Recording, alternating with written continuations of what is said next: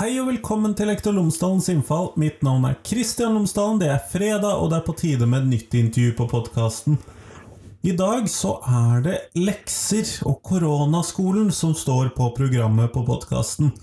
Jeg har snakket med Kjersti Lien Holte. Du har kanskje hørt henne tidligere på podkasten når hun snakket om leksebevisste skoler. Og hun jobber på Høgskolen i Østfold. Og jeg snakker med henne i dag om hvordan har den koronaskolen, hjemmeskolen, hybridskolen, skolen i gult og rødt og grønt og hvilke andre farger vi driver og måtte operere med Jeg tror min skole nå er i svart, siden vi har digital skole og alle må være hjemme. Men det er en antagelse. Dette har ikke jeg skjønt. Jeg snakker med Kjersti Lien Holte om hva ser man at skjer med leksene når elevene deler av tiden eller hele tiden er hjemme uansett? Hvilken leksepraksis blir dette? Hvordan påvirker det elevene? Så det ser vi på i ukens episode. Nei, unnskyld, fredagens episode. Dette kommer til å ta tid for meg å venne meg til at jeg opplever at jeg har landet på å ha to episoder i uken fast. Ellers så er podkasten fremdeles sponset av Cappelen Dam Undervisning. Og hvis du går inn på skolen.cdu.no, så finner du alle de oppleggene og ressursene og i det hele tatt som de har laget i forbindelse med fagfornyelsen i grunnskolen. Og så kan det være at din skole allerede har kjøpt tilgang til dette for deg. Eventuelt så kan du be om å få en sånn prøvingsperiode. Men i hvert fall, gå inn på skolen.cdu.no. Her kommer episoden med Kjersti, vær så god!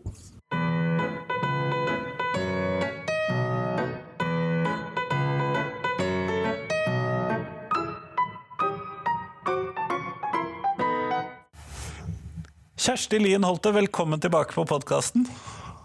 Tusen takk.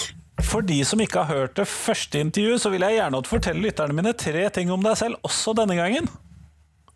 Ja, jeg tenkte jeg skulle fortelle tre andre ting denne gangen. da. Så bra. Eh, så, men litt av det samme. Jeg har forska på lekser siden 2012. Eh, og det er ikke bare det jeg forsker på. Jeg forsker på skolen som arena for å fremme god psykisk helse. Og jeg er veldig opptatt av at vi skal ha en inkluderende skole. Eh, jeg jobber som førsteamanuensis i pedagogikk på Høgskolen i Østfold. Og eh, jeg jobber veldig mye med dekomp. Og dekomp, for de som ikke vet hva det er, så handler det om at vi jobber ute på skolene i samarbeid med skolene om å utvikle områder som dem sjøl har ønska. Og da har jeg vært så heldig at jeg får lov til å jobbe med flere skoler om utvikling av leksebevisst praksis. Nettopp, nettopp. Og da må vi jo egentlig starte litt med dette her med hva er leksebevissthet? Eller hva, det er vel kanskje der vi må starte litt før vi kommer inn på dagens egentlige tema? Ja, det er jeg veldig glad for at du spør om, fordi at um, det er en artikkel eller kronikk jeg skrev for noen år siden hvor jeg skrev om fire kjennetegn på leksebevisst skole. De fire kjennetegnene det var på en måte kjennetegn i en tid hvor veldig mange skoler ikke var leksebevisste i det hele tatt. Eh, og det er blant en av de mest leste artiklene på utdanning.no. så jeg, er liksom glad for å få det spørsmålet, fordi det, det fins enklere måte å forklare det på enn å gå etter fire kjennetegn. Eh, de to viktigste tingene når man er i en leksebevisst skole, det er at man har bevissthet om når og hvordan lekser kan være ødeleggende, virke mot sin hensikt. Man må vite når det skjer, og så må man vite hvilke konsekvenser det har for den eleven, for den familien, og så bør man også vite hva det handler om på samfunnsnivå. Og det andre helt sentrale momentet på, ved leksebevisst praksis, det er at man er bevisst hvordan man kan sikre at alle elevene har en reell mulighet for utdanning. At alle har en reell mulighet for å klare det. Og, så det er liksom de to tingene leksebevissthet handler om, da.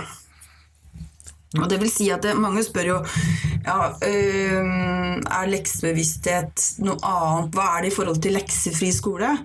Og Da mener jeg at begrepet leksebevisst er overordna. Sånn at du, du, kan være en leksebevisst skole og være leksefri. Ja, fordi at da har konklusjonen kan... blitt at man dette må vi bare ta ut? Ja. Av forskjellige grunner. Um, og kanskje man tar det ut for en lengre periode, eller bare for kortere perioder. Det er litt sånn som varierer. Eh, men man kan også være en leksebevisst skole og ha lekser. Men en, det er vanskelig å være en leksebevisst skole og kjøre på sånn som man har gjort før. Det, det går ikke. Nettopp, nettopp, nettopp. Men, og det som er grunnen til at vi prater sammen i dag, er fordi at jeg sendte deg melding om hva har korona betydd for lekser og leksebevissthet, og hva, hva gjør hjemmeskolen med dette her, å skille mellom elevenes tid til den ene eller den andre varianten? Sånn at eh, i den forskningen og det arbeidet du gjør og har gjort osv., hva, hva ser vi når det kommer til den undervisningen som nå skjer på norske skoler, og eh, lekser knyttet inn i det? Ja, det var jo en veldig merkelig situasjon når nedstengingen kom og alt skolearbeid skulle skje hjemme. Eh, så en av de første tingene som skjedde, var jo at eh, skillet mellom skolearbeid og lekser, det som var tradisjonelt sett var lekser, ble jo borte. Um, og så fungerte det jo for noen bedre enn å være på skolen, mens for andre så fungerte det jo overhodet ikke i det hele tatt. Og um, sånn for den store gruppa så har man vel sett noen foreløpige resultater som er ganske dårlige. Uh, så det viser vel at uh, foreldre ikke er så veldig gode lærere. Eh, men, eh, men, eh, det jeg har gjort, er at på noen av de skolene jeg har vært på, som jeg jobber med gjennom Dekomp, så har jeg spurt de da. Så hvilke erfaringer gjorde dere under nedstengingen som dere ønsker å ta med dere videre i arbeidet med utvikling av leksebevisst praksis? Og da fikk jeg ganske mange interessante svar. Og et av svarene er jo at det ble veldig mye tydeligere for flere av dem hvor store forskjeller det faktisk er i hjemmene, i familiene. Um, og det er, liksom, det er, jo litt lett å ikke skjønne det helt når man er lærer, fordi de fleste lærere tilhører middelklassen, kommer fra middelklassen og tilhører middelklassen. Og så klarer man ikke helt å ta inn over seg hvor store forskjeller det egentlig er. Uh, så det var det flere som sa at de ble litt sånn sjokka over Um, hvor rotete det var noen steder. Hvor lite til stede foreldre var uh, noen steder. At noen hadde jo foreldre veldig sånn, tett på seg, og de kunne bidra masse, mens uh, andre foreldre var jo på jobb. Uh, så ungene var hjemme aleine. Og så ble det også veldig tydelig for flere, for lærerne ble jo mer avhengig av å kommunisere med foreldrene om hva som skulle gjøres. Litt sånn tettere. Uh, og da ble det jo veldig tydelig uh, en del utfordringer knytta til det å kommunisere med foreldre som, uh, som, ikke snakker så godt norsk eller engelsk. ja. Så det var en sånn veldig tydelig tilbakemelding. Så de sosiale så, forskjellene ble veldig tydelige? De ble veldig tydelige. De fikk jo på en måte et vindu inn i stua til, til eleven. Um, og, og, det var liksom sånn, sånne oppgaver som læreren egentlig tenkte det her kan alle få til. Det fikk faktisk ikke alle til. Sånn, um, et, et, et, eksempel på det var f.eks. en lærer som sa at, ga elevene en oppgave at de skulle rydde gangen. Eh, og så, når hun hadde samtale med en eleven, og så sa eleven at jeg, jeg kan ikke det'. Ja, men det tar jo ikke så lang tid. Bare, kan du ikke bare gjøre det? Og så øh, viste han gangen. Øh, snudde kameraet og så viste gangen, og så skjønte hun at det, det, ville ta mye mer enn et kvarter å rydde den gangen. Da, for det var helt bomba, liksom. Så, men det var en annen ting de fortalte. Også at øh, en av erfaringene med den nedsengingen var at man faktisk kunne få til ganske mye praktisk arbeid også hjemme. Før så har jo Tradisjonelt sett så har det vært veldig mye teoretiske oppgaver. Skriveoppgaver. Mens det å Altså oppgavetypen endra seg litt, da. De, de, opplevde at det, det går faktisk an å gi lekser i flere fag eller i andre fag enn matte, norsk og engelsk, som er liksom de klassiske leksefagene. Så det sa de at det var noe de ville ta med seg videre, da. Men så er det samtidig noen som sier at de føler at de veldig lett har gått tilbake til det gamle med en gang skolen åpna igjen. Og de egentlig hadde gjort seg masse positive erfaringer med å ha litt praktiske lekser, som typ ta bilde av ting, eller utforskende lekser. Så Så var det veldig lett å bare gå tilbake til det gamle. Falle tilbake i de Det- gamle sporene.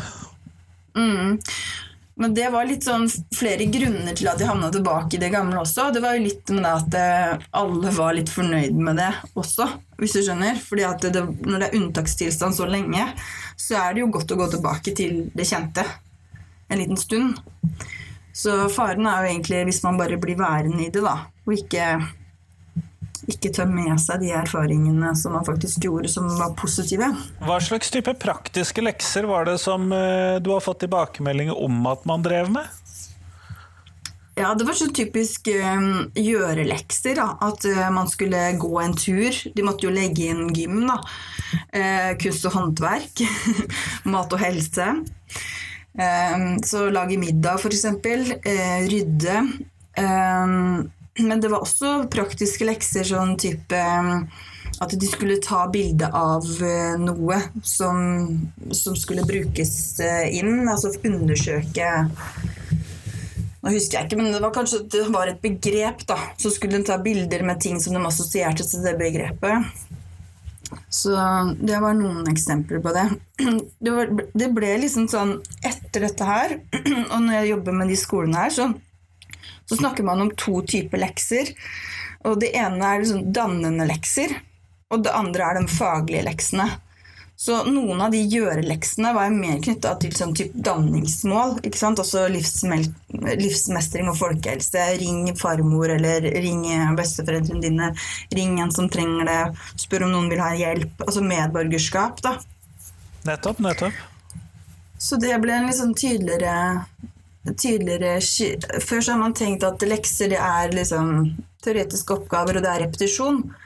Mens det ble mye Erfaringene de gjorde, var at det var mye lettere å variere enn man hadde tenkt, da.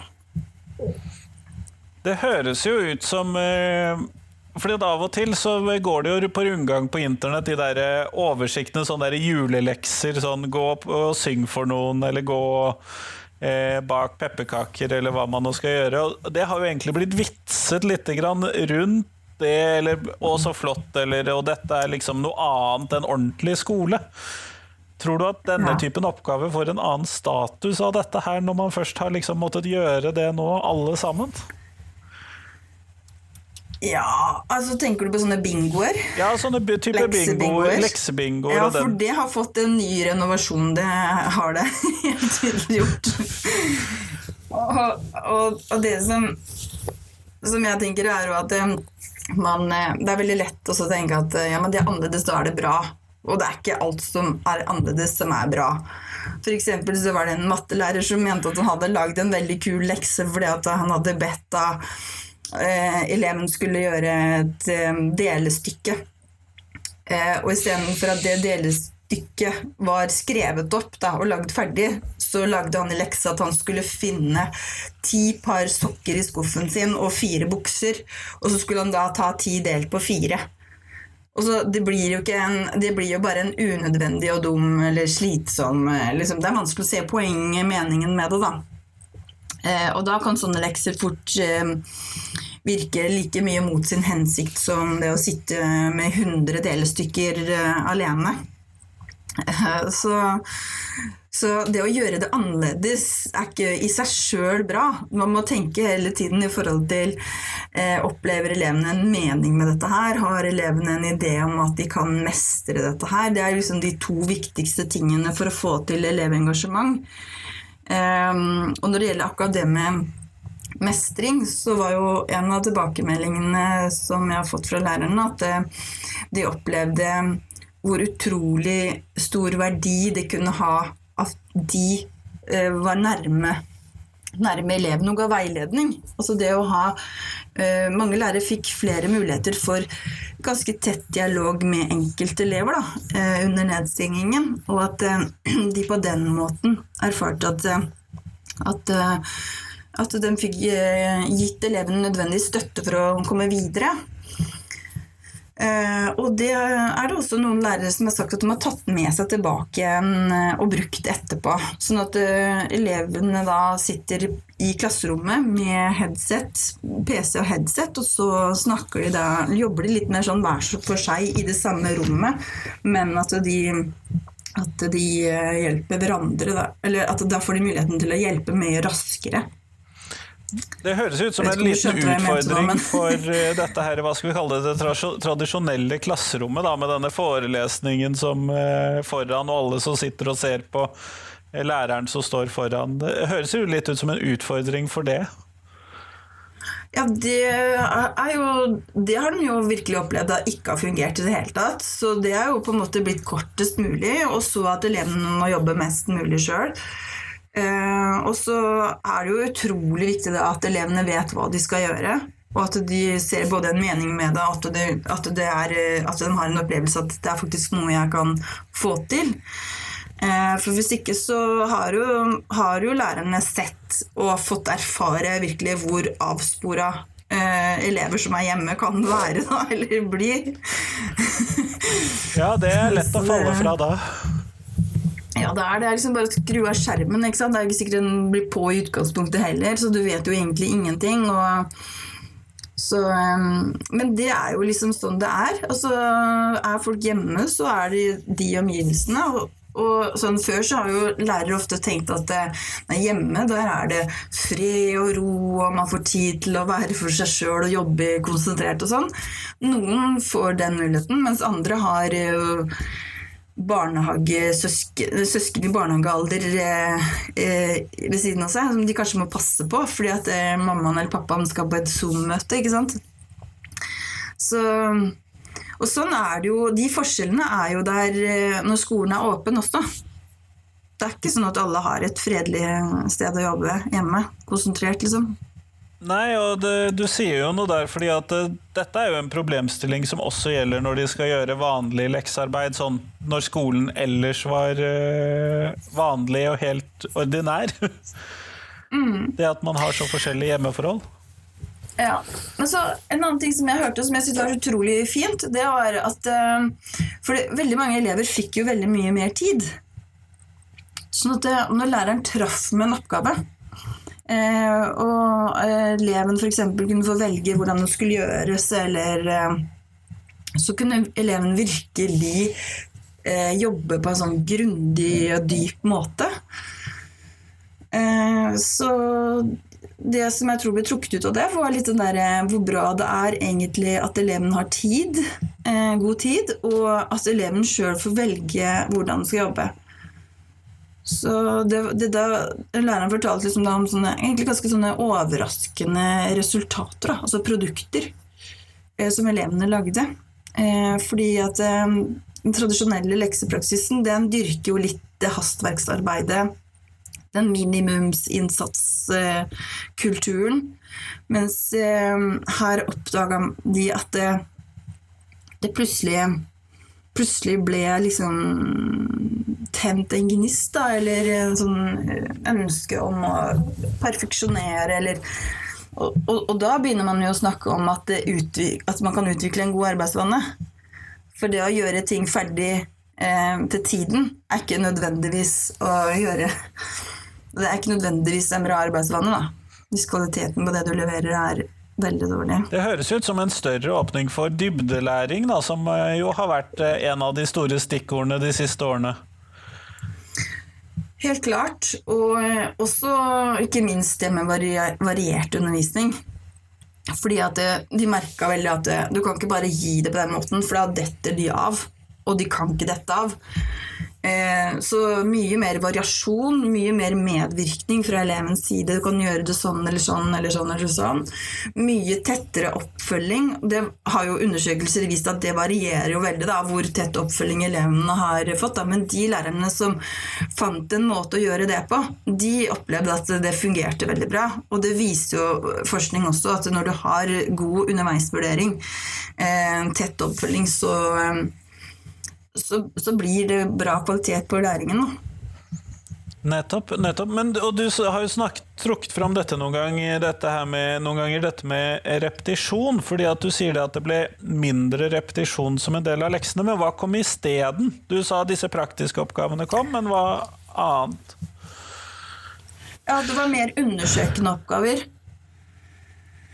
Så um, istedenfor at um, man i samfunnsfag, da Eh, eksempel eh, istedenfor at man på en måte skal lese den og den siden og reprodusere det som står på den og den siden, så fikk de mer en oppgave om at de skulle finne ut noe og dele den informasjonen. Men de skolene som jeg har snakka med, så har de jo brukt iPad. Da. Så iPaden ble et veldig bra verktøy. Eh, så, så, det ble også en liksom erfaring fra det, at eh, endelig kom den litt mer til Endelig var den ikke bare å sette strøm på læreboka? Nei, det ble faktisk mer sånn verktøy for å dokumentere og for å dele ting som ble funnet ut forskjellige steder. Så um, det tenker jeg også kan være en sånn positiv erfaring ut fra det. At um, der hvor det var teknologi, da, og elevene hadde én-til-én, så, så blei det mulig å bruke det på en mer undersøkende måte. Eh, og mer sånn at uh, man fikk opp at man fikk opp um, aktivert forkunnskaper. Uh, og utforska, da. Nettopp, nettopp. Men alle disse tingene som vi har snakket om til nå, det er jo i stor grad, hva skal vi kalle det, tidlige data, da, hvis vi skal kalle det det. Veldig. Er veldig tidlige data. Dette er de inntrykkene for historiene og fortellingene og alt som du har blitt fortalt gjennom ditt sånn samarbeidsnettverk. Men vi kan jo se for oss at eh, vi bør eller må eller kan forske mer på dette fremover i årene som kommer. Eh, hva dette har betydd for norsk skole, eventuelt eh, eh, hva dette faktisk har av følge hvis dette varer veldig lenge, da, denne situasjonen som vi er i nå med litt sånn mm. blandet skole. Og hvilke sånne hovedområder tenker du at eh, det er viktig at vi forsker på når vi skal se på dette videre? Hva er det du er mest interessert i av disse tingene som vi nå har snakket om?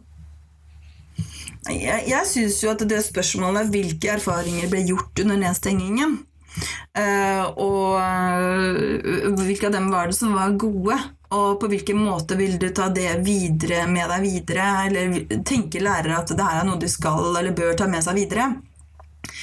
Det tenker jeg er viktig å forske på. Men det er også viktig å forske på uh, hva som gjør at det faktisk fører til en endring, og at ikke det bare går tilbake igjen til det gamle. Eh, fordi at det har jo undersøkelsene våre vist egentlig helt fra begynnelsen. At eh, lærere har ganske mange ideer om hva som er en bra lekse. Men så gjør de noe annet. Ja. Så, så, så det er litt sånn Hva skal til for at eh, lærere praktiserer det her på en måte som de faktisk mener er god?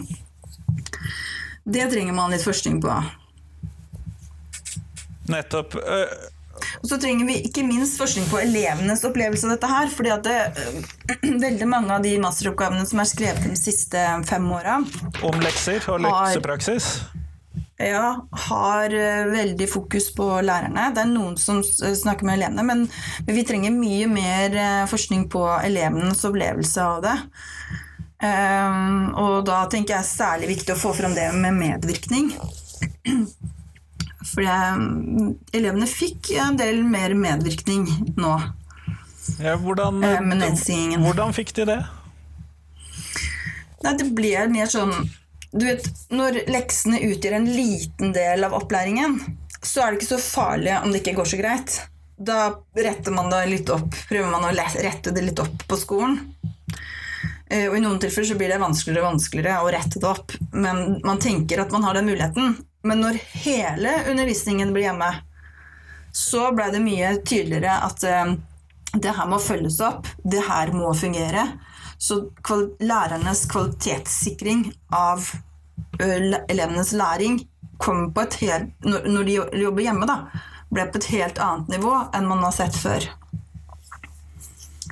Så det er tydelig med det med den oppfølgingen, tettere oppfølgingen som flere fikk. også Og så tror jeg også veldig med lærernes tenkning bak oppgavene, valg av oppgavene og mul altså det rommet de ga da, for uh, valgfrihet for eleven til hvordan ting skulle gjøres. Det var ikke lenger bare den der 'gjør de neste ti oppgavene i boka, så går vi videre'? Det kom ut av den autopiloten der. Uh, og så kan du si at uh, jeg fulgte jo en del sånne grupper på Facebook også. Der var det litt sånn syke ambisjoner i starten. det var litt sånn at man, man delte liksom Gjør dette, så får du elevene til det og det. Gjør det her, så får du sånn og sånn. Og så ble det veldig masse ambisiøse opplegg. Eh, og så kom det til et punkt der hvor det bare liksom Nei, dette her må vi bare roe ned litt. Og det tenker jeg var et veldig viktig sånn punkt. Eh, det her er noe som jeg bare så liksom, gjennom måten lærerne snakka sammen på da, i grupper. Eh, men da ble det litt sånn Da ble det roa litt ned. Eh, for det er nesten sånn at det gikk inflasjon i veldig gode opplegg en stund der, og så er det litt sånn at det var noe som skulle gjøre det òg. Eh, så så det, det, tenker jeg også var en sånn viktig sånn Det er viktig sånn generelt i det med leksebevissthet å skru tempoet litt ned. Kan, tror du at dette vi nå har vært igjennom, er igjennom, holder på med fremdeles, at det kan føre til flere skoler som velger å gå bort fra lekser, eller gå bort fra tradisjonelle lekser? Sånn når vi kommer på slutten av dette? Det håper jeg jo veldig. Eh, men jeg håper jo at eh, hovedgrunnen til at man gjør det, er mer fagfornyelsen enn de erfaringene man har gjort her. Eh, fordi at De erfaringene som man gjør nå med nedstenging, det er veldig sånn at det, er unntakssituasjon, og at man ikke liker den unntakssituasjonen, og at man vil tilbake til det normale. Jeg håper jo at eh, flere skjønner verdien og blir seg bevisst verdien av det de har gjort, og tar det med seg videre. Men, eh, men den viktigste grunnen til å bli leksebevisst, den er jo nedfelt i fagfornyelsen og handler om en inkluderende skole og handler om at eh, elever skal oppleve skaperglede, utforskertrang og engasjement. Og det der med engasjement det handler jo veldig mye om å vite hva man skal gjøre, og så skjønne litt poenget med det. Eh, og det, det må man jo egentlig jobbe med uansett. Nettopp. Tusen takk, Kjersti, for at du tok deg tid til dette. Hva skal vi kalle det? Foten i bakken eh, nå underveis i dette? jo, tusen takk for at jeg fikk komme, Kristian. Hyggelig.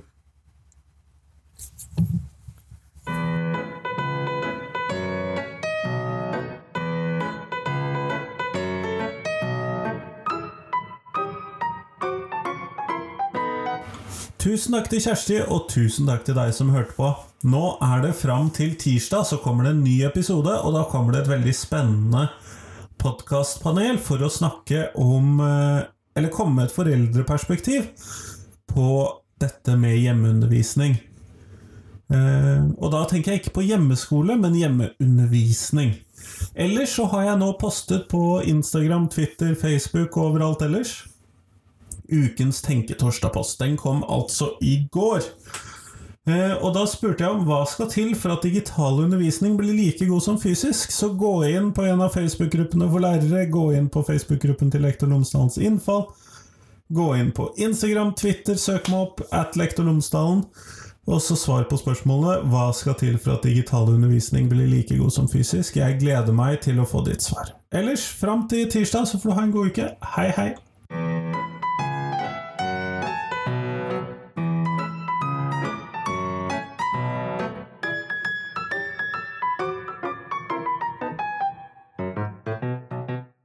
Husk det at du kan gå inn på iTunes, podkaster andre steder, og så rate podkasten.